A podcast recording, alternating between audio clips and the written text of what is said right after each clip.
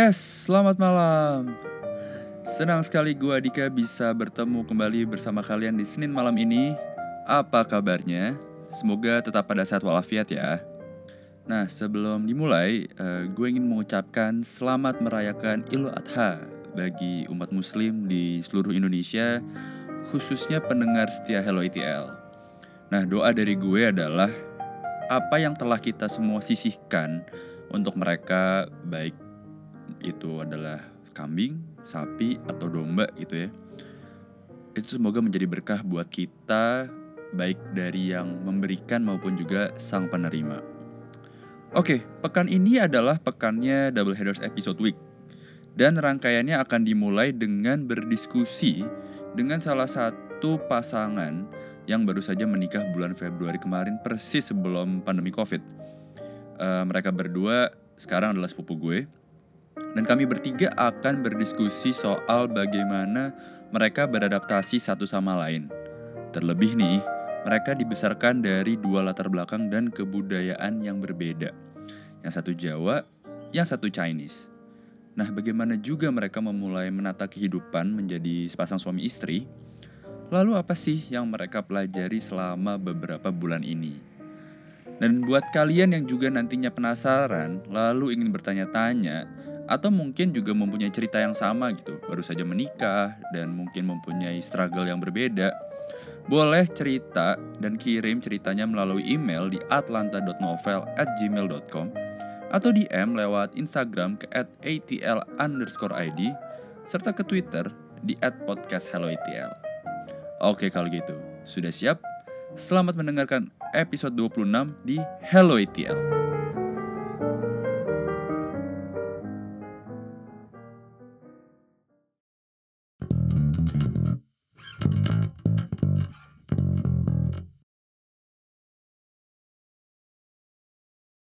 Oke, seperti yang tadi sudah gue katakan di intro, gue sudah bersama dua sepupu gue, yaitu bernama Danis dan Monik. Boleh langsung diperkenalkan nama dan mungkin uh, pekerjaannya di mana? Mungkin Mas Danis kenalin diri. Uh, yeah. Halo semuanya pendengar setia ATL Radio. podcast uh, podcast ATL. Uh, perkenalkan gue Danis. Di sini uh, ah, gue kerja di e-commerce dan gue kebetulan sepupu Dika dan ini istri gue coba Monik uh, aku kerja di salah satu company swasta di Jakarta Oke, nah sebagai gambaran sedikit kan gue tahu ya Danis kan sepupu gue, dia orang Jawa. Nah mungkin lo bisa uh, kasih tahu latar belakang lo ke pendengar. Oke, okay, kalau aku, hmm. uh, papaku Chinese, hmm. mamaku Jawa. Jadi 50-50 lah. 50-50 ya? Ada Jawanya yeah. sedikit lah ya? Ada Jawa yang dikit dari mama. Oh. Mama full Jawa? Mama full Jawa, papa Chinese full. Oke, okay. oh full full Jawa ya nyokap lo. Nah, uh, boleh gak sih kalian menceritakan awal dari kenalan, pacaran, lalu akhirnya memutuskan untuk menikah? Siapa nih mau cerita aja. aku ya storytellingnya bagus uh, jadi awalnya itu uh, kita kita tuh sebenarnya kita mau kenalan itu dari 2000 2010 gitu ya di kira-kira 2010 hmm. itu jadi Mas Danis tuh minta kenalan ke aku ke salah satu temen aku juga hmm. cuman pada waktu itu tuh akhirnya nggak dikenalin lah intinya terus okay. gitu akhirnya uh, Mas Dani single, aku juga single. Hmm. Terus uh, apa aku juga gak lupa sih apa waktu aku punya pacar ya aku lupa. Pokoknya intinya temen, pokoknya temanku itu nggak ngasih tau ke aku kalau misalnya ada seseorang bernama Danis yang mau kenalan sama aku itu 2010 okay. terus sampai akhirnya aku nggak punya pacar akhirnya tahun 2012 akhirnya aku ngomong ke salah satu sahabat aku. Aku bilang hmm. kayak eh gila gue udah udah lama banget nih sendiri. Lu nggak ada apa temen yang lu bisa kenalin. Karena pada waktu itu seluruh teman-teman gue tuh punya pacar dik. Oke. Okay.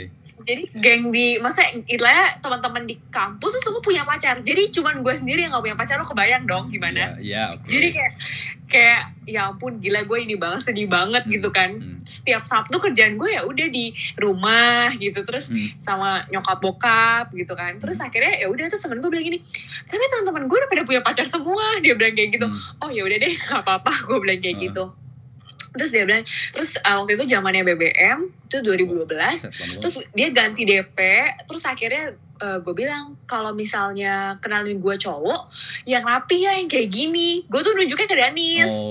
karena pada waktu itu temen gue sebenarnya mau kenalin gue bukan sama Danis ada satu lagi. Oh.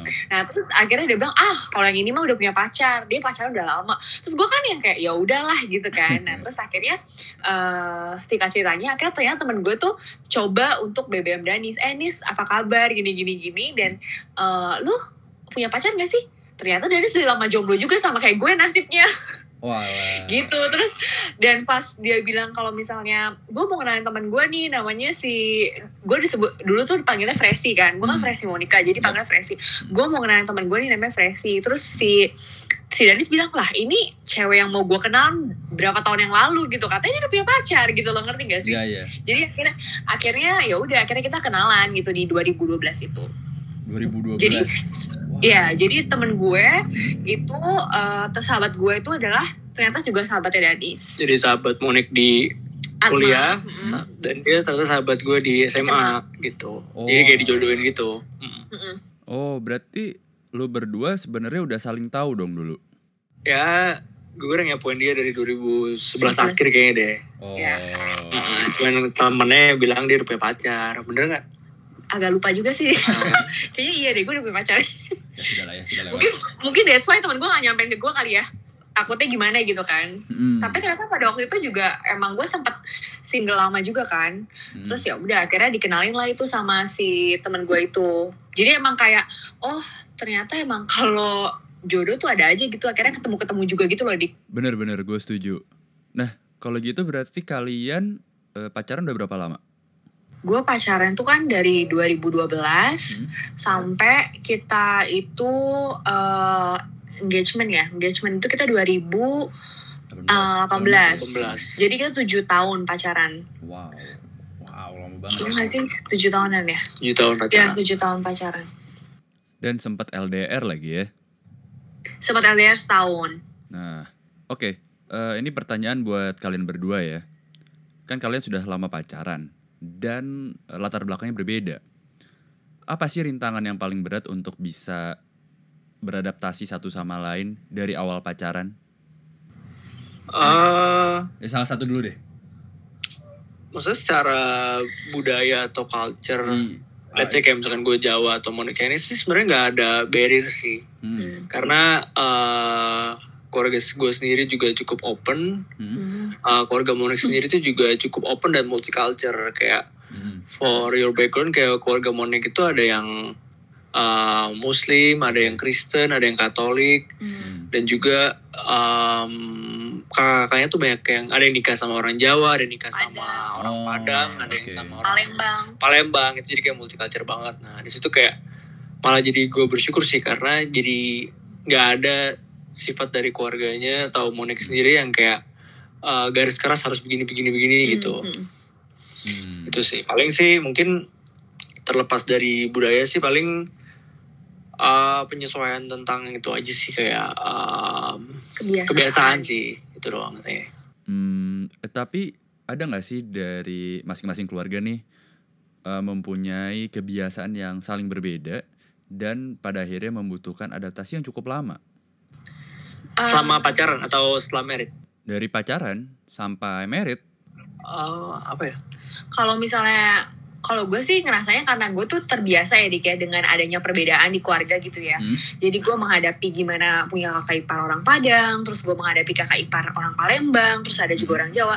Jadi gue lumayan cukup apa ya gue merasa gue cukup bisa untuk beradaptasi dengan hal-hal baru atau budaya baru hmm. dan kebetulan terus Mas Danis juga orang Jawa dan kebetulan eyang gue juga dulu Jawa jadi gue ngerasa oke okay, gue bisa nih menghadapi ini jadi hmm. kalau misalnya sesuatu yang terkait dengan budaya sih nggak terlalu tapi mungkin lebih kayak kebiasaan gini contohnya kan kalau orang Chinese tuh ya dik ya yep. kita ada beberapa hal yang kayak misalnya uh, kita tuh makan tuh langsung barengan tuh dik jadi kita hmm. kalau misalnya makan di meja bundar, terus kita langsung barengan tuh ngambilnya.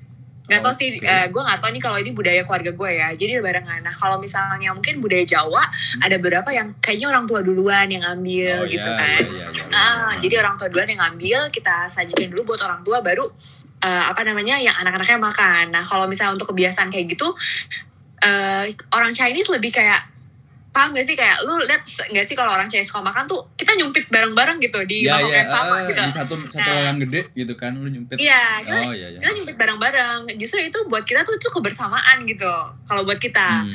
Nah itu mungkin lebih kebiasaan yang kayak gitu sih, di kebiasaan yang kecil-kecil gitu yang harus disesuaikan. Jadinya mungkin pas kalau makan Mas Danis ke rumah gue gitu jadi lebih yang kayak ayo Nis ambil gitu. Ngerti sih? Kayak udah ambil aja santai aja gitu. Karena mungkin Mas Danis terbiasa dengan kayak Iya, iya mestinya kan orang tua duluan lebih kayak gitu sih. Dan gue sebaliknya pas gue eh, di sini tinggal di sini gue jadi oh iya eh, ayah duluan ibu Mas Danis baru terakhir gue gitu. Oke. Eh, apakah Danis adalah orang kikuk ketika ambil makanan? Iya, Iya. oh itu itu salah satu adjustment sih. Karena kan ya you know lah kayak gua uh, cukup orangnya kan gak enakan kan. Iya. Karena Iya, di iya. keluarga gue sendiri orangnya kayak culture Jawanya lumayan kuat dan kayak yang harus ngejauhin orang lain, Hmm. harus kayak kalau nggak ditawarin jangan Hmm. minta, kalau dikasih ya jangan minta lebih Iya, gitu kan. iya, bener, Sementara bener, setiap kali gue dimasakin atau ditraktir makan Hmm. sama keluarga mana tuh kayak "Ya udah ambil aja kalau mau gini-gini Iya, kayak bener. kayak wah nggak pernah nih gue ditawarin kayak gini gitu kan kayak apakah gue harus menjadi diri gue yang gak enakan atau menjadi diri yang lebih enak lagi Iya.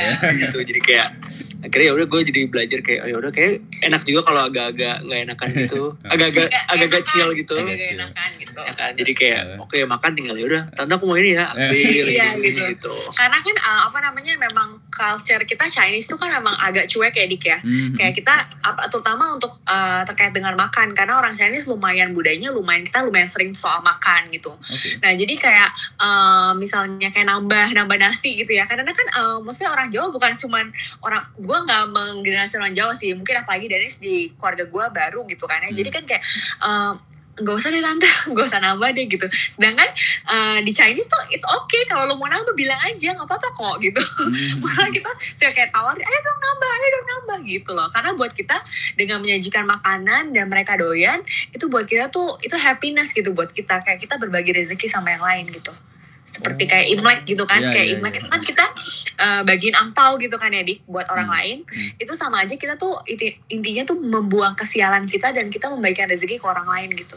Itu sebenarnya yang bokap gue Hmm. ceritakan seperti itu sih. Jadi orang Chinese percaya dengan kita di Imlek, itu tahun yang baru untuk kita, Hmm. dengan kita membagikan angpau itu sama aja kita membuang kesialan kita dan kita membagikan kebahagiaan kita untuk orang lain gitu. Oh, dan itu diterapkan ya setiap hari. Ya setiap hari even itu makan pun jadi kita kita happy banget soal makanan gitu. Kita super happy. Jadi kayak misalnya Mas Danis mau nambah justru kita malah happy. Nah tapi kan beda halnya dengan Mas Danis kan karena dia budaya Jawa dia nggak enakan dong masa bokap gue nggak nambah dia nambah Iya, gitu iya, kan. benar-benar. Iya, Jadi iya, kayak, iya. Eh, nggak deh tante tapi awal-awal akhirnya eh, Mas Danis kayak- kayaknya sih sekarang lebih ini ya lebih udah bisa adjust sih. Udah mulai kayak asik asik juga sih udah asik iya sendiri. jadi malah minta terus Iya. gitu. awalnya enak awalnya males tapi lama-lama kayak enak juga nih Iya, ternyata enak juga kan makanannya. Iya, iya. Dasar, dasar. Nah, oke, eh, kalian kan dari semenjak pacaran kan sudah kenalan dengan orang tua baru ya, orang tua masing-masing gitu. Nah, gimana sih kalian beradaptasinya? Dan pastikan setiap orang tua juga mempunyai pemikiran berbeda ya. Ya benar. Nah, itu gimana tuh adjustmentnya? Oke Mas Danis. Ya kalau dari gue sih paling adaptasinya itu kan bukan dari awal nikah aja ya. Jadi Iya. adaptasi itu udah gue laksana, udah lakukan tuh dari awal ya di tengah-tengah pacaran lah. Karena kan harus kenalan sama orang tua kan. Karena gue aimnya udah udah kayak pingin coba seriusnya sama Monik. Berarti kan gue harus uh, suwun dulu kan ke orang tuanya. Nah dari situ kan eh ya dari awal pelan-pelan gue mengenal orang tuanya terus dan eh luckily sih mereka orangnya open banget Hmm. welcome sama gue sebagai waktu itu pacarnya Monik Hmm. Eh, dan lama kelamaan tuh mereka ya udah kayak nganggap gue apa kayak keluarga sendiri lah kayak anaknya sendiri lah meskipun belum belum formal hubungannya waktu itu belum official Oh, gitu. Uh, jadi dan sepanjang perjalanan gue sama Monik itu sebelum menikah ya gue berusaha aja sih dengan prinsip dan budaya mereka bisa terima atau enggak. Tuh kayak misalkan ada yang tadi kayak culture yang soal makan gitu gue mungkin awalnya kayak apakah yang gue lakukan ini benar atau enggak gitu kan tapi Iya, lama-lama iya. kayak just kayak oh ya udah emang begini Iya. gitu kan dan ada hal-hal lain yang mungkin uh, fundamentalnya different lah antara value-value keluarga yang diajarin. Tapi gue tau masing-masing ada kebaikannya sendiri-sendiri sih. Oke. Okay. Kalau Monik dan ketika eh, Danis masih lanjut ya, lanjut terus terus. terus. Dan ketika udah married pun juga hmm. Uh, ya nggak ada ketegangan sih karena semuanya udah berjalan smooth dari kayak enam tahun ke belakang gitu. Hmm. Jadi ya untungnya nggak perlu ada penyusuan lebih lanjut lagi sih. Kayak kayak semakin erat aja. Oke, kalau Monik ke orang tuanya Danis? Nah, kalau gue ini kan lebih mungkin lebih banyak penyesuaian karena gue sekarang tinggal di rumah mertua gue gitu ya di kayak iya. hitungannya yeah. ya. Uh, di rumahnya orang tua Mas Danis. Jadi kalau gue sih lebih penyesuaian lebih ke kebiasaan. Karena kan hmm. kalau karena kita mungkin pacaran lama, jadi ada beberapa budaya yang mungkin gue juga udah udah pahami lah, mencoba untuk memahami. Hmm. Nah, mungkin kalau sekarang tuh kalau tinggal bareng sama ayah sama ibu itu lebih banyak saya kan kayak misalnya kebiasaan gue dulu misalnya di rumah nih hmm. uh, kan segala satunya mungkin nyokap gue berusaha untuk menyediakan gitu kan terus hmm. dibantu juga sama uh, mungkin pembantu rumah tangga dulu gitu kan. Yeah. Pembantunya enam. Pembantunya enam. Enggak maksudnya banyak lah yang membantu di rumah oh. gitu kan. Uh. Jadinya uh, jadi kadang-kadang kayak oh ya udah nggak usah ini udah di udah di mamah iniin kok lebih gitu mungkin karena orang tua kan dan kebetulan kan kakak-kakak gue udah nikah tuh dik. Hmm. Nah jadi kan gue mungkin salah satu yang belum nikah jadi nyokap gue lumayan serve gue jadi apa apa kayak udah Monik udah mami siapin apa apa segala macam. Contohnya kayak masakan lah kayak udah mami siapin masakan gini kamu yeah. tinggal makan gitu gitu nah kalau sekarang ini kan kebiasaannya berbeda dan kegiatannya juga berbeda. Kayak sekarang gue mesti nyiapin uh, kebutuhan gue sendiri di sini terus gue juga mesti nyiapin kebutuhan suami gue gitu kan. Terus juga sebisa mungkin gue bantulah uh, kebutuhan-kebutuhan ayah sama ibu walaupun ya mungkin kebanyakan kebutuhan ayah sih selalu disiapin sama ibu. Tapi misalnya sebisa mungkin gue coba untuk masakin apa segala macam gitu kan. Hmm. kalau gue sih penyesuaiannya di gue lebih ke, ke kebiasaan dan kegiatan yang dulu gue lakuin di rumah kayak apa sama yang gue lakuin sekarang di rumah mertua tuh kayak apa gitu sih. Tapi so far lancar lah ya lancar sih karena mungkin karena kita juga udah uh, lumayan sering interaksi kali ya selama kita pacaran ya. Kadang kan uh, kadang juga sempet lah maksudnya kayak malam mingguan sempet ke rumah juga gitu kan ya. Hmm. kayak ngeliat lah sekilas seperti apa mencoba untuk pelajari kalau pada saat acara keluarga gitu mengamati juga. Jadi nggak nggak terlalu gimana banget sih di nggak terlalu yang kayak kaget banget gitu. Uh, kayak ada yang bikin kaget banget itu kan ada kan yang tinggal di rumah mertua sampai yeah. kaget banget aduh gila gue gak nyangka mertua gue kayak gini gitu kan. Kalau gue sih enggak sih. Karena gue ngerasanya uh, gue bersyukur banget karena mertua gue bukan seseorang yang uh, apa sih banyak nuntut atau okay. kayak gimana sih dik jadi hmm. gue ini ini aja sih seneng seneng aja dan ngerasa kayak jadi ini udah kayak rumah gue lagi aja gitu Uh, tapi dan gue apa -apa? dan gue mungkin kalau mau lanjutin kalau karena gue mungkin happynya karena gue juga sering ikut acara keluarga kan sering diajak kan di kayak selama Bener, kita pacaran tujuh uh, tahun jadi kadang-kadang gue juga uh, mungkin juga sering ngobrol-ngobrol sama sepupu-sepupu. Jadi gue mulai mempelajari lah kayak kira kebiasaan keluarga ini seperti apa sih gitu. Hmm. terus kegiatan yang mereka sering lakukan dan segala macam di apa nah, gitu. Ya lu kan udah ikut Natalan di radio dalam di Lebaran di Bandung. Lebaran di Bandung tuh setelah kita udah pacaran berapa lama loh dik itu Masa Setelah udah empat tahunan ya. 2016 jadi kayaknya deh. 16 ya? ya 15, kita, kita udah pacaran lima, uh, sekitar empat tahunan. Uh. Akhirnya diajak gitu ya. Itu karena sebuah kayak sebuah big deal nih untuk keluarga kalian ya untuk ngajak lebaran di Bandung gitu. Nah iya bener-bener uh, karena ya gue tahu gue mengalami sendiri lah uh, kalau udah ketemu keluarga besar kan istilahnya butuh validasi ya dari Pak Ade, Bude, Om, Tante atau yang yang yang lain dan gue yakin lu pasti merasakan, sorry, merasakan kelegaan lah ya setelah bisa diterima oleh semuanya termasuk sepupu sepupu terdekatnya Danis lah ya. Uh, sebuah kelegaan dan bersyukur sih karena mungkin uh, karena keluarga gue itu sedikit ya jumlahnya nggak sebanyak kalian ya kalau dibandingkan kalian gitu hmm. jadi gue bersyukurnya lebih kayak selain diterima gue lebih bersyukur kayak akhirnya gue punya keluarga banyak kayak gitu sih dik Oh. Kayak kerinduan pengen punya keluarga banyak gitu sih. Hmm. Dan kalian itu kan bener-bener deket banget kan kayak uh, kayak sepupu dengan sepupu sepupu ini yeah, gitu yeah, yeah. sepupu dari sisi ibu sepupu dari sisi ayah semuanya kan deket gitu ya mungkin karena kalian seumuran dan udah terbiasa dari kecil Betul. ngumpul gitu kan hmm. jadi gue bener-bener ngerasain kayak kehangatannya itu sih yang kayak gue rasain waktu gue diajak uh, lebaran di Bandung terus akhirnya ngeliat wah ini ternyata lebih besar lagi ya keluarganya gitu loh dari yang gue bayangkan. Hmm. jadi gue merasa kayak uh, mudah-mudahan sih gue bisa diterima di keluarga ini supaya gue bisa merasakan punya keluarga besar gitu. Hmm. gue sih lebih kayak gitu sih dik. Ya syukurlah diterima lah ya. Nah uh, gue mau balik lagi uh, tentang orang tua mertua gitu. Uh, gue yakin lu diajarkan oleh orang tua masing-masing kan dengan prinsipnya gitu. Dan orang tua pasangan pasti juga mempunyai prinsipnya sendiri. Nah, sejauh mana sih perbedaannya dan apa yang lo bisa pelajari dari perbedaan itu? Mas Danis dulu deh. Uh, mungkin ada beberapa prinsip sih, tapi mungkin yang paling paling kelihatan beda sih kalau misalkan gua mati selama ini sih mungkin prinsip dalam ini kali ya mengelola keuangan. Hmm. hmm. Kayak bokap gue itu sifatnya dia sangat berhati-hati banget sih mengelola uang. Mungkin hmm uh, cenderung irit bukan bokap gue sih bokap nyokap lah hmm. ya itu turun ke gue dan adik gue kayak kita menjadi pribadi yang kayak ya kalau uang seperlunya aja hmm. tapi invest di atau simpan di hal-hal yang lebih bermanfaat lagi just in case nanti kalau lo butuh emergency fund itu lo bisa pakai gitu hmm. kalau mungkin misalkan di yang gue lihat di keluarga Monik mungkin ya mungkin ya hmm.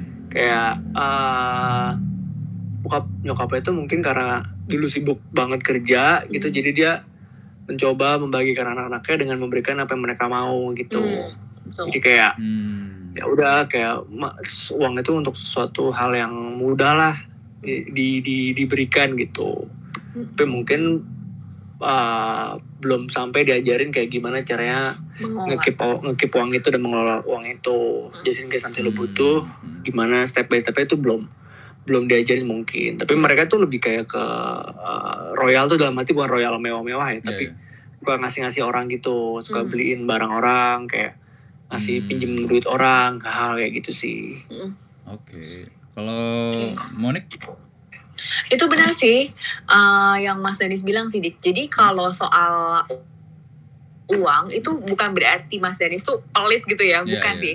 Jadi menurut gue apa yang gue pelajari dari Mas Danis adalah dia tuh sangat bisa untuk mengelola uangnya. Jadi bisa sangat bisa untuk mengetahui bahwa apa sih kebutuhan gue dan gue harus ngeluarin uang berapa nih untuk hmm. kebutuhan gue yang ini gitu kan. Yeah. Nah kalau sedangkan gue itu dulu diajarin sama bokap gue tuh ya udah kamu dikasih uang segini, ya udah kamu uh, bertanggung jawab aja dengan uang kamu segitu ngabisinnya ngabisinnya gimana itu kamu deh yang atur ngerti gak sih dik? Lebih kayak gitu. Oh. mungkin karena uh, mungkin karena bokap nyokap gue itu kan dua-duanya bekerja gitu ya. Hmm. jadi mereka mungkin nggak punya waktu sebanyak itu untuk mengajarkan gue gue sih mikirnya gitu ya. Yeah. nah benar yang kata mas sih jadi gue tuh mengelola keuangan gue itu adalah dengan apa yang gue pelajarin aja. Karena waktu dulu mungkin gue aku belajar akuntansi jadi gue belajar oh ya udah ini kayak gini kali ya cara ngelola duit gitu kan. Hmm. gini kali ya. Tapi gue lebih kayak memang diberikan tanggung jawab dan kebebasan untuk mengelola duit gue itu sendiri gitu. Okay. Dan keluarga gue itu benar kata Mas Danis katakan termasuk keluarga yang cukup royal. Jadi kita sering ngasih orang gitu. Dan hmm. kita memang bahagia memberikan orang lain. jadi yeah. kadang-kadang uh, apa ya kita kadang mungkin jadi nggak sadar gitu dengan apa yang kita keluarkan tuh mungkin jadi terlalu banyak yeah. atau gimana gitu sih. Pada ya. prinsip Iya, hmm. jadi pada prinsipnya sih uh, dengan bertemu Mas Danis tuh gue akhirnya mengerti sih kayak oh iya ternyata ada memang ada uang yang harus kita keluarkan dan memang ada uang yang harus kita keep sih kayak gitu dan justru gue masa bersyukur banget gitu maksudnya akhirnya uh, gue dapet pasangan Mas Danis gitu jadi gue sekarang bisa lebih bisa mengolah keuangan gue dan gue juga jadi bisa ngajarin keluarga gue kan istilahnya okay. maksudnya bukan ngajarin in terms of kayak gue menggurui mereka ya oh. tapi lebih kayak kepada eh kayaknya mendingan kayak gini deh mah. Hmm. kayaknya mendingan kayak gini deh gitu kan. Okay. karena kan kalau misalnya uh, sebanyak apa pun uang yang kita punya kalau kita nggak bisa ngelolanya juga nggak bener juga kan gitu. Nah ini lo belajar dari dari mana nih? Apa punya teori-teori sesuatu kah gitu yang lo aplikasikan? Gimana? Kamu belajar dari ayah sih ya? Lebih ke ayah dari uh, belajar oh, dari bokap ya? oh bukan teori gitu sih. Itu gue kayak learning by doing aja. Uh, itu dari dari dari kecil sih sebelum gue masuk kantor juga. Kayak hmm. emang gue hati-hati dalam menggunakan uang sih karena kan dulu apa ya diajarinnya kayak dari kecil lu dikasih uang seminimal mungkin tapi hmm. ya udah lu entah gimana cara survive gitu loh dari uang hmm. itu hmm. Oh. kayak even kalau misalkan gue mau sesuatu hmm. misalkan gue mau nambah sepatu nih hmm. jam dulu tuh gue nggak mungkin gue punya tiga apa empat sepatu gitu gue harus jual nih sepatu dulu untuk bertambah sama orang hmm. selisih gue cari dari mungkin hmm. dulu kan jual gue jualan stiker di SMA hmm. kayak atau jualan something kayak gitu baru ntar gue uh, beli yang baru gitu jadi dari ajaran itu gue bener-bener value apa yang gue punya gitu makanya hmm. kenapa gue hati soal duit karena gue takut kehilangan apa yang udah gue achieve gitu sih sebenarnya prinsipnya. Bener-bener. Bener Bener sih. Gue setuju, gue setuju. Eh, gara-gara untuk mencapai itu tuh kayak agak sulit misalnya gitu ya kayak butuh Iya, iya. perjuangan Ah. jadi value barang yang Danis punya itu Danis cukup sayang banget gitu sama barang-barang yang dia punya gitu loh Hmm. jadi cukup bermakna oh ya ini ternyata aku belinya dulu waktu aku harus jualan stiker dulu nih sama teman-teman aku ngerti gak sih jadi dia lebih menghargai barang sih itu sih yang gue rasain ya selama gue Hmm. sama dia ya Iya, iya. Nah, eh, geser sedikit. Sejauh mana sih eh, orang tua kalian mempengaruhi keputusan kalian dalam urusan rumah tangga nih? Apalagi, apalagi nih kalian kan baru ya. Eh, beruntung sih jadi kita em, setelah menikah ini mungkin juga sebelum menikah sih mereka sih selalu suportif sih sama apa yang mereka lakuin apa yang kita lakuin Hmm. Eh, dalam arti mereka nggak ikut campur dengan keputusan kita Hmm.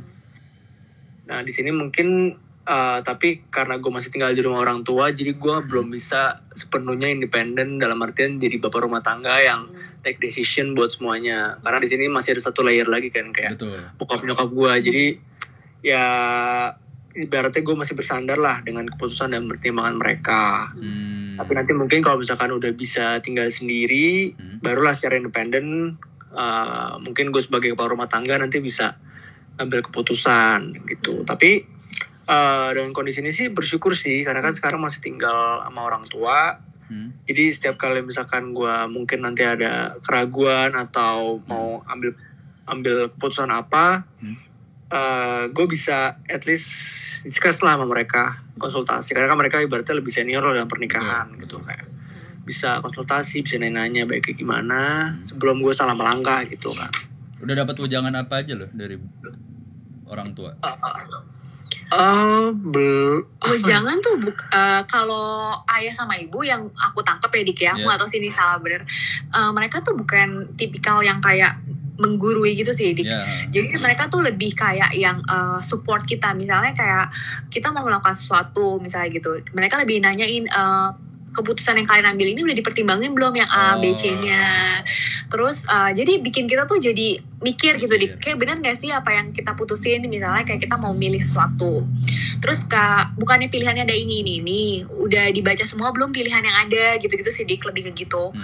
makanya kayak kalau gue mau nambahin yang Mas Denis bilang tadi tuh kita merasa kayak sangat bersyukur banget sih karena benar-benar keluarga kita tuh dua-duanya nyokap bokap gue terus ayah ibu itu benar-benar yang suportif banget dan nggak pernah campur campur tangan lah istilah soal rumah tangga karena kan yang gue denger juga banyak juga kan ya yang Iya. maksudnya uh, orang tua tuh yang campur tangan kayak Pasti, istilahnya ah. mau bikin uh, sesuatu aja tuh harus ikut ikutan gitu kan Ya, harus betul. Uh, pokoknya uh, aku mau tahu aku mau tahu prosesnya kayak gimana gitu-gitu dan justru sema- yang bikin semakin gue ngerasa beruntung selama menjadi rumah tangga ini uh, ayah sosok ayah tuh support banget untuk kita dan bener-bener ngarahin sih Dik. karena kan gue sama Dani sih blank banget nih ya soal rumah tangga kan Betul. karena kita baru banget kita ngejalanin lama itu kan pacaran yang lama kan. Maksudnya Iya. rumah tangga ini kan kita bener-bener nggak tahu lah gitu loh. Mm-mm. Nah terus jadinya eh, selama perjalanan ini kita berumah tangga walaupun baru sebentar itu kita jadi setiap apa ya keputusan yang mau kita ambil tuh kita banyak gitu di eh, pertimbangannya gitu yang mau kita ambil. Karena ayah selalu ngasih apa ayah sama ibu tuh selalu ngasih kayak eh, pandangan selalu ngasih cerita mengenai pengalaman mereka gitu. Jadi kita kayak oh ya kita jangan sampai salah nih ambil langkah gitu loh Betul. itu sih lebih kayak gitu Oke. kan nggak dan nggak menggurui itu sih dik yang gue ngerasa kayak aduh gue bersyukur banget gitu Ah. karena eh, banyak juga ya kan maksudnya mungkin kadang eh, karena mungkin orang tua ngerasa lebih tahu jadi kesannya tuh menggurui gitu loh dik Mm-mm. ya nggak sih kayak eh, "Kok enggak kamu harusnya mesti gini harusnya begini itu kayak gue kayak bikin kita makin tertekan gak sih dengan Iya. kita yang masih baru sebagai rumah tangga gitu kita harusnya harusnya tuh buat gue sih makin bikin tertekan Pressure tapi kan. dengan kita di challenge kita di support tuh buat kita sih makin bikin kita matang sih dalam setiap keputusan yang kita ambil gitu Nah ya gue setuju. Nah, em, gue tahu fakta bahwa kalian masih tinggal di rumah orang tua. Dan ini masih menjadi perdebatan. Pertanyaan gue adalah, kenapa lu memutuskan untuk tinggal sama orang tua? Nah ini Mas Dani bisa menjelaskan nih. Oh jadi eh sebenarnya simpel sih. Jadi dalam menikah ini kan ada rencana jangka pendek, ada rencana jangka panjang. Betul. Jadi sebelum menikah sama mereka sih, ini sih gue udah plan kayak rencana jangka pendeknya ya udah uh, karena kan rumah kan juga kita mesti nyari lagi kan dan itu butuh biaya dan sebagainya butuh persiapan Mm-mm. nah uh, pasti pingin tinggal di rumah sendiri gitu tapi selama di jangka pendek buat jangka pendek ini itu tuh kita udah plan gue Monik tuh maksimal dua tahun lah at least di rumah orang tua ini numpang ibaratnya kan karena kenapa Hmm? satu eh, orang tua apa setuju juga kita di sini ya udah Mm. tapi mereka juga ngasih lu jangan lama-lama gitu ntar nggak berkembang kamu atau apa and then kedua Hah? di sini kita juga jadi bisa nabung kan Iya kayak benar.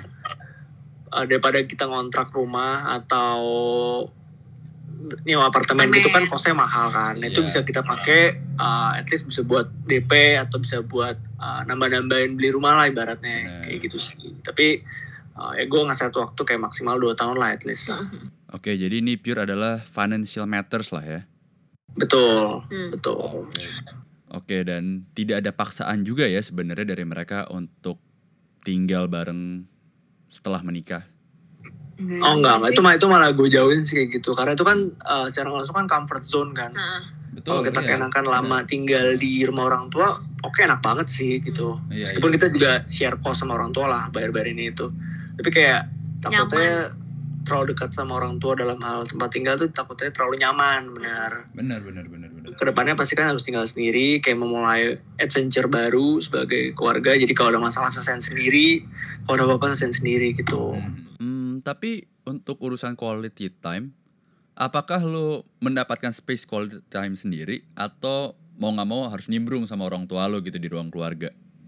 Leb- tetap sih quality time bisa terjaga sih Hmm. Hmm. karena semenjak nikah uh, bokap nyokap udah nggak pernah ibaratnya nggak pernah masuk ke kamar lagi lah kayak ngetok atau apa Hmm. kadang-kadang kan suka nonton TV bareng di kamar atau apa Iya, iya. atau ngobrol-ngobrol Hmm. ini enggak sih kayak udah kayak sebenarnya kayak besar rumah cuman beda ini beda kamar aja Iya, gitu benar. tapi kalau misalkan makan malam bareng itu selalu bareng Iya. kita usahain bareng gitu Iya, iya. harapan kalau bisa bareng kayak gitu sih Kalau gue boleh nambahin ya Dik ya, Iya apa? kayak eh, apa maksudnya tinggal di untungnya tuh tinggal di rumah ayah sama ibu ya mertua gue ini kan emang merupakan rencana jangka pendek yang Mas Dani sudah pikirin kemarin kan. Oh, Nah kalau gue nih kalau dari gue nih sisi apa ya isinya sisi orang yang tinggal di sini orang baru, gue justru yang numpang lah gitu ya. Gue Iya. tuh justru menjadikan ini tuh momen untuk saling belajar mengenal keluarga Mas Danis lebih dalam lagi sih itu sisi sama gue tuh berusaha untuk kayak uh, belajar beradaptasi dengan kehidupan rumah tangga gitu karena Oke. buat gue lebih mudah ketika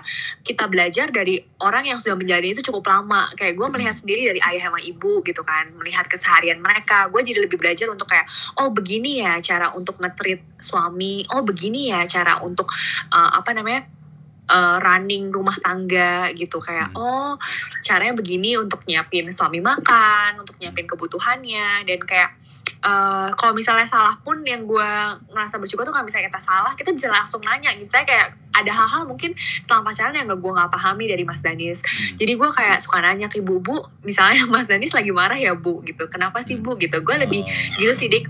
Jadi gue justru eh, dibalik orang-orang yang ngomong kalau tinggal di rumah mertua itu kayak menyeramkan atau Hmm. lo jadi diatur Iya. justru gue mau ngambil sisi positifnya sih kalau di sini lu bisa belajar ber- beradaptasi dan bisa belajar untuk lebih mengenal Hmm. mertua lu seperti apa sih kalau gue kayak gitu dari dibandingkan lu berusaha untuk kayak mencari-cari si negatifnya gitu Tapi udah kelihatan lah ya eh, sisi-sisi yang lain baik dari Danis ke Monik maupun Monik ke Danis.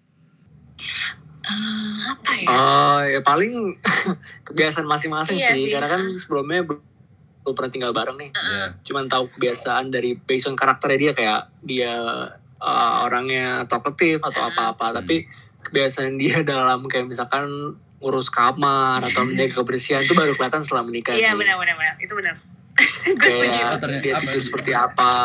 Nah, apakah Monik adalah tipikal wanita yang suka beresin kamar?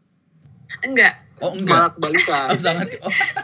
To be honest, malah gue yang suka rapi-rapi dan dia anaknya ternyata ya udah gitu maksudnya kan aja secara paradigma umum kan mungkin cewek yang suka rapi-rapi kan. Iya, iya, Kalau benar. Monik sih mungkin agak sekarang sih agak berantakan, tapi dia lagi menyesuaikan. Sekarang. Enggak, Dik. Justru, justru gue, makanya kayak tadi gue bilang kali ya, Dik ya. Hmm. Karena gue tuh di rumah, eh, maksudnya dibantu. Hmm. Gitu kan. Jadi gue gak terbiasa untuk kayak menata-nata. Sedangkan Mas Denis orang yang detail lumayan perfeksionis. Jadi kayaknya gue ngerasanya udah rapi gitu deh kayak kayak gak ada yang salah ya. deh gitu. Tapi kayak maksud ini berantakan banget mon gitu loh.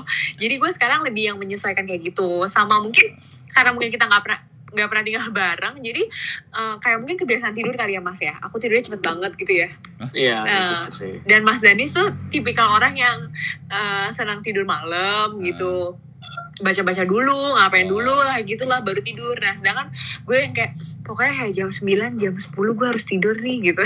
Tidur. lebih yang kayak gitu sih dik. Tapi jadi kayak saling menyesuaikan aja sih. Jadi kayak kalau sekarang oh ya gue tahu nih kan Mas Danis nggak suka nih kan kayak berantakan banget kayak gini. Gue berusaha untuk nata-nata gitu kan sebisa mungkin. Jadi kayak kelihatannya rapi lah pas Mas Danis masuk gitu. Hmm. nah kalian kan tinggal di tempatnya Danis. Gimana kalian bisa mengatur waktu untuk bisa berkunjung ke tempatnya Monik? Ah itu itu menarik juga tuh. Uh, jadi sebenarnya uh, gue lumayan deket kan sama orang tua gue dik yep. deket deketnya tuh rumah gue sama nyokap gue dan bokap gue tuh lumayan deket banget jadi gue tuh merasa kehilangan banget sebenarnya waktu gue akhirnya memutuskan untuk tinggal di sini gitu iya, kan yeah. sempat kayak aduh mas emang iya ya harus ini ya harus harus tinggal di rumah kamu ya gitu gitu walaupun gue tahu ini emang rencana jangka pendek dan jangka panjangnya mas Danis yang udah yeah. dia buat gitu jadi sebenarnya lebih kayak jadi ketika gue kangen terus ada waktu kosong gue lebih yang kayak ngomong ke mas Anies mas boleh nggak main ke rumah mama? gitu. Hmm. kayak mungkin cuma main yang kayak berkunjungannya sih di kadang. Kayak misalnya cuma beberapa waktu terus kita pulang. Terus kadang-kadang juga ada beberapa waktu yang kita nginep. Dan dan beruntungnya lagi tuh kadang-kadang justru kadang kalau kita nggak main ke sana justru ibu tuh ngingetin di justru um, Moni kamu nggak nggak ini nggak main ke rumah mama? Gitu oh, lebih kayak gitu. Oh, justru diinget sama ibu mertua gitu. Iya justru kayak gitu. Terus yang kayak nginep lah sana sekali sekali gitu. Hmm. nginepnya jangan cepet-cepet dua hari ke tiga hari ke yang lamaan. Justru kayak gitu dik. Hmm. hmm, hmm. justru jadi kita kayak Iya ya, iya benar juga ya.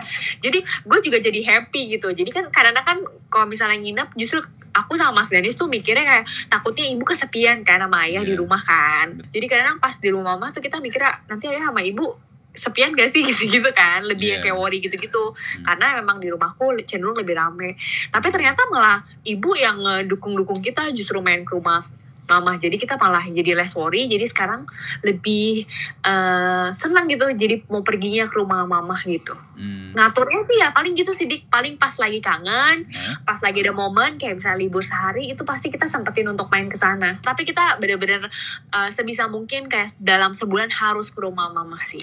Nah tapi kalau misalnya ke rumah Monik gimana kalian ke kantornya apalagi kan ada yang WFH atau mungkin lu sudah WFO lagi Oh jadi kita kalau nginep uh, weekend doang di? Uh, uh, weekend oh, doang, hanya weekend. Gak pernah weekdays. Jadi kayak Sabtu pulangnya Minggu uh, gitu sih. Misalnya Jumat malam hmm. gitu. Jumat malam, Jumat malam kita berangkat. Misalnya gue dari kantor langsung ke sana. Hmm. Mas Dennis juga nyusul langsung ke sana. Terus nanti kita hari Sabtu sore atau Minggu pagi baru pulang gitu. Berarti kalau urusan distance dari rumah ke kantor yang dikorbankan Monik lah ya? Oh iya, sekarang kan yang sekarang yang kan? sekarang. kalau soal distance iya gue jadi berbalik nih dik dulu kan yang berkorban kan Mas Danis ya dulu waktu pacaran gitu uh, jaraknya jauh gitu. uh. kalau sekarang gue nih yang jaraknya jauh dari kantor maksudnya dari nah, rumah gitu kan uh, ya, waktu gitu sama aja. Uh, ya dua puluhan kilo gitu sih dit lumayan jauh gak sih dik? Dua puluhan? Lu lumayan di Sunter ya Enggak, kan di itu apa Keramat Raya. Oh iya, di Ngasegara. Hmm. Oh, iya. Mas Danis kan dekat sekarang kantornya. Terus hmm. uh, ya udah, tapi gue pikir ya udah nggak apa-apa juga. Toh maksudnya uh, masih bisa gitu tempuh dengan mobil kan gue mikirnya gitu. Dan udah terbiasa lagi, kan? terbiasa dengan jarak jauh gitu. Iya, ada itu ada MRT juga kan. Jadi sebenarnya lebih enak kan sebenarnya harusnya. Iya, iya benar sih. Uh -uh. Nah, Gue mau ngomongin soal rencana jangka panjang karena gue tahu Danis ini kan orangnya sangat terplan ya. Yes, uh, sangat ya. Nah, uh, rencana jangka panjang kalian ini sudah sejauh apa dan untuk berapa tahun? Uh, mungkin Mas Danis nih yang bisa cerita. belum belum terlalu detail sih, tapi kan at least kayak di angan-angan tuh udah mau lah kayak punya rumah. Tadi kan kayak uh, oke okay, jangka panjang berarti anaknya berapa?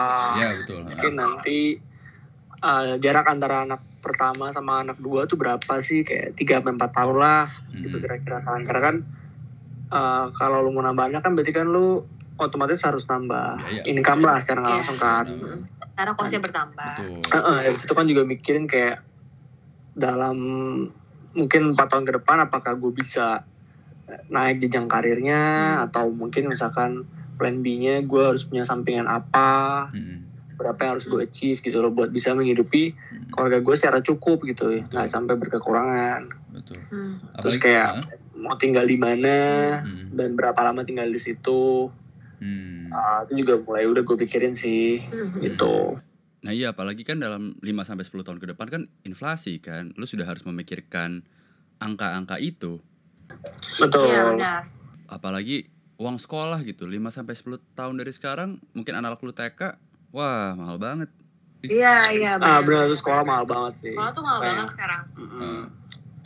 Maksudnya jangankan sekolah untuk kayak kita ngebiayain eh, ya, karena kita berdua kerja untuk ngebiayain apa susternya mungkin nanti itu juga kita udah coba untuk hitungin sih dik kayak dia berdasarkan pengalaman-pengalaman sepupu-sepupu yang udah nikah juga kan yang udah punya anak Hmm. itu aja dari biaya boro-boro pasti biaya untuk TK biaya untuk itu aja tuh udah mahal banget kan sebenarnya lebih kayak gitu sih Eh, nah sebentar, eh, tadi kan Danis mention soal sharing cost. Nah, gue pengen tahu itu sharing cost dengan orang tua lu tuh dalam hal apa aja nih? Apakah listrik, internet, atau apa? Oh jadi kayak um, jadi kayak hal-hal sifatnya kayak listrik internet gitu kayak gue split lah Oke. antara gue sama orang tua karena kan kita uh, kita juga termasuk pakai yang paling banyak kan Iya, internet benar. sama AC dan lain-lain Hmm. gitu apalagi lagi periode work from home gini kita sering banget pakai AC listrik AC Iya. lampu dan sebagainya Hmm. dan juga kadang-kadang kayak belanja bulanan gitu sekarang sih kita yang coba untuk support sih Mm. mungkin mereka beli dikit-dikit lah tapi kayak misalkan beli daging dan sebagainya itu kita juga beli bukan buat porsi kita berdua aja Ah. tapi buat berempat Mm. Mm-mm. mungkin masih yang kayak hal-hal kecil aja sih dik yang kita coba bantu ya Mm-mm. maksudnya bukan membantu sih lebih kayak kepada sharing kali ya Iya. lebih sharing sama ayah sama ibu gitu yang misalnya kita uh, beli mungkin awalnya mungkin kan kalau berdua mungkin daging kan cukup misalnya setengah kilo kita cu- beli sekilo dua kilo jadi bisa dimasak sama mbak di rumah juga sekalian untuk ayah ibu juga. Iya. terus kayak misalnya uh, hal-hal kecil kayak snack gitu ya mas ya. Snack-snack yang di rumah kita berusaha untuk kayak kalau belanja bulanan oh ya jangan lupa juga untuk beliin ayah ibu. Karena kan gimana pun kan istilahnya sekarang ini kita masih agak maksudnya masih numpang gitu ya dik ya. Jadi kan mau nggak mau kita juga harus membagi costnya itu ke kita juga gitu. Biar kita juga ada rasa tanggung jawab juga sih dik sebenarnya. Ya kan lu masih walaupun sebenarnya nggak banyak dan ibu nggak pernah minta ya. Ya oh iya, sebenarnya mereka nggak pernah minta nggak pernah minta sama sekali loh dik. Tapi kan Ya, mau tapi kan di sini inisiatif sih dari kita kalian emang- kan. Iya, iya, Benar. pertama inisiatif dari kita dan kita juga uh, emang harus kayak siapin mental. Nanti kalau misalkan udah pindah rumah sendiri kayak Costing, lebih banyak costing lagi. itu akan selalu ada dan bakal lebih banyak lagi Ha-ha. gitu. Kayak latihan di depan kayak oh yaudah lu mulai bayarin ini itu gitu loh. Justru malahan kita happy kalau misalnya kita mau belanja terus ibu uh, ngomong gitu kayak yang ibu mau gitu. Maksudnya dapatnya ini titip ini titip ini. Justru kita happy. Jadinya kita uh, oh iya kita bisa ngasih ini ke ibu gitu. Justru kayak gitu sih dik. Karena memang orang tuanya Mas Danis ayah sama ibu tuh bener-bener nggak pernah nggak pernah nuntut dan nggak pernah minta apa pun sih kita. Oh iya? Jadi Ah, nggak pernah sama sekali. Jadi kayak misalnya kita belanja bulanan pun ibu mau intip apa? Eh, apa ya? Gitu nggak usah deh gitu. Nah justru malah kita tuh malah mancing bu ini aja ya bu ya. Eh, beli snack untuk ayah gini-gini gitu Hmm. sih. Makanya kita eh, makanya tadi yang gue bilang sih itu kita pengen latih sebenarnya pengen latih diri kita sendiri sebenarnya berapa sih gitu pengeluaran untuk kayak rumah tangga gitu. Sebenarnya gitu sih dan kita nggak sama sekali nggak keberatan sih seandainya ibu pun eh, mau sharing cost lebih ke sama kita gitu karena emang kayak tahu Hmm. kita lumayan pakai lumayan banyak kan yang tadi Mas Anies bilang selama kita working from home kan ya mau nggak mau AC ya kan di internet benar, benar. listrik itu kan semua kita yang pakai kan betul. tuh Mm-mm. Iya. apalagi kalau working from home kan gue sama Dennis juga harus di ruangan terpisah kan kayak misalnya gue meeting Mas juga meeting kan mau nggak mau harus di ruangan terpisah gitu kan Nah ini soal ruangan terpisah, siapa yang harus pindah? Eh, Mas Dani sih yang pindah ke ruangan adiknya Iya, kebetulan lah, si adik gue lagi di luar kota kan, jadi gue Hmm. bisa pakai ruangannya. Oh, nah selama adanya work from home nih kemarin-kemarin ya, dan mungkin sekarang, ini apakah membantu kalian juga untuk saling mengenal?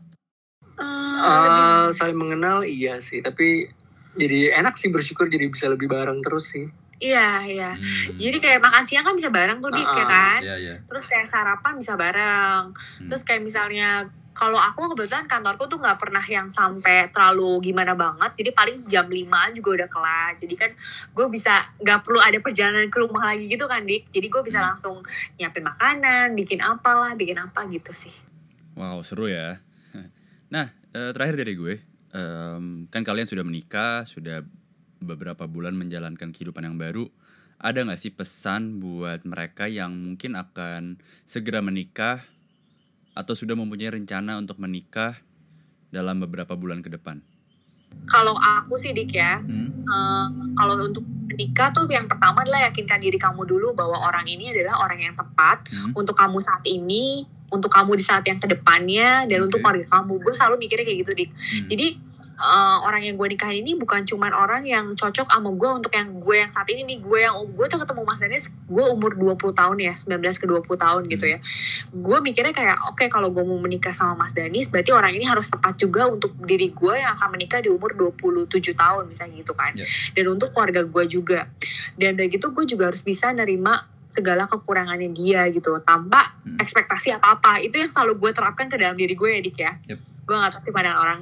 Dan karena um, buat gue yang bisa nentuin uh, apa namanya kamu bisa terima atau enggak kekurangan dia itu cuma diri kamu sendiri gitu.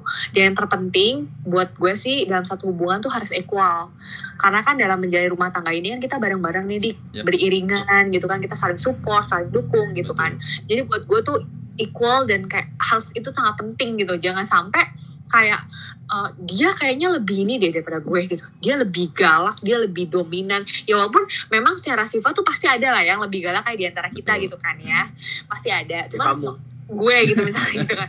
Cuman maksudnya dalam arti adalah uh, beberapa prinsip dan beberapa pandangan mengenai hidup kita harus sama gitu. At least ada persamaan lah gitu. Jadi biar kita tuh istilahnya kalau dalam rumah tangga kita mengayuh sepeda itu biar kita tuh bisa beriringan dan bareng-bareng itu sih. Di kalau gue lo gue dari gue gitu sih. Dan uh, gimana cara nemuin orang yang tepat ya itu mulai dari diri sendiri dulu sih.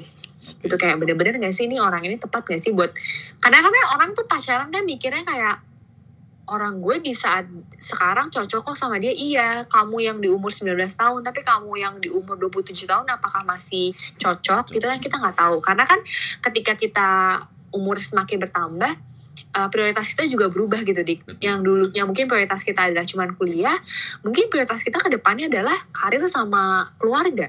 Kan gak ada yang tahu. Nah itu mood gue adalah itu perlu dipikirin lagi kayak uh, orang ini buat sekarang ke depan dan untuk keluarga kita apakah cocok itu sih? Oh. yang selalu gue pikirin wow. uh, memilih pasangan hidup gitu.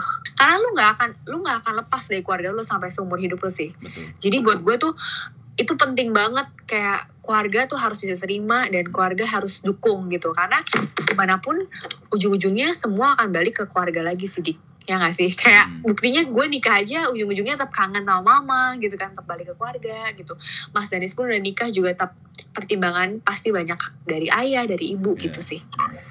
Uh, sebenarnya sama sih sama Monik tadi dia udah mengcover semuanya. Tapi hmm. intinya kan ini kan pesan untuk yang ingin menikah ya. Yeah. bukan ingin pacaran ya. Hmm jadi menikah itu totally different sama pacaran yes. tujuan lu tuh harus jelas hmm. intinya sih kalau mau nikah lu harus bener-bener 100% yakin yeah. sama orang itu hmm. yang artinya bener-bener terima kekurangannya karena hmm. menikah itu bukan berarti lo harus nyari yang paling sempurna kan betul karena kalau nyari yang paling sempurna nggak uh, akan pernah ada habisnya karena nggak ada orang yang sempurna hmm. pasti ada orang yang oh mungkin ada lebih sempurna dari Monik hmm. ntar gue ngejar orang itu yeah. eh ternyata ada yang lebih bagus lagi gue ngejar lagi gue ngejar lagi akhirnya akhirnya tidak adanya ketidaksetiaan yeah. itu intinya lo harus benar-benar juga terima kekurangannya hmm. uh, jadi ada kayak salah satu podcast ya atau buku gue pernah baca itu kayak ada namanya filosofi dari Jepang hmm. itu namanya wabi sabi hmm. wabi sabi itu uh, mencintai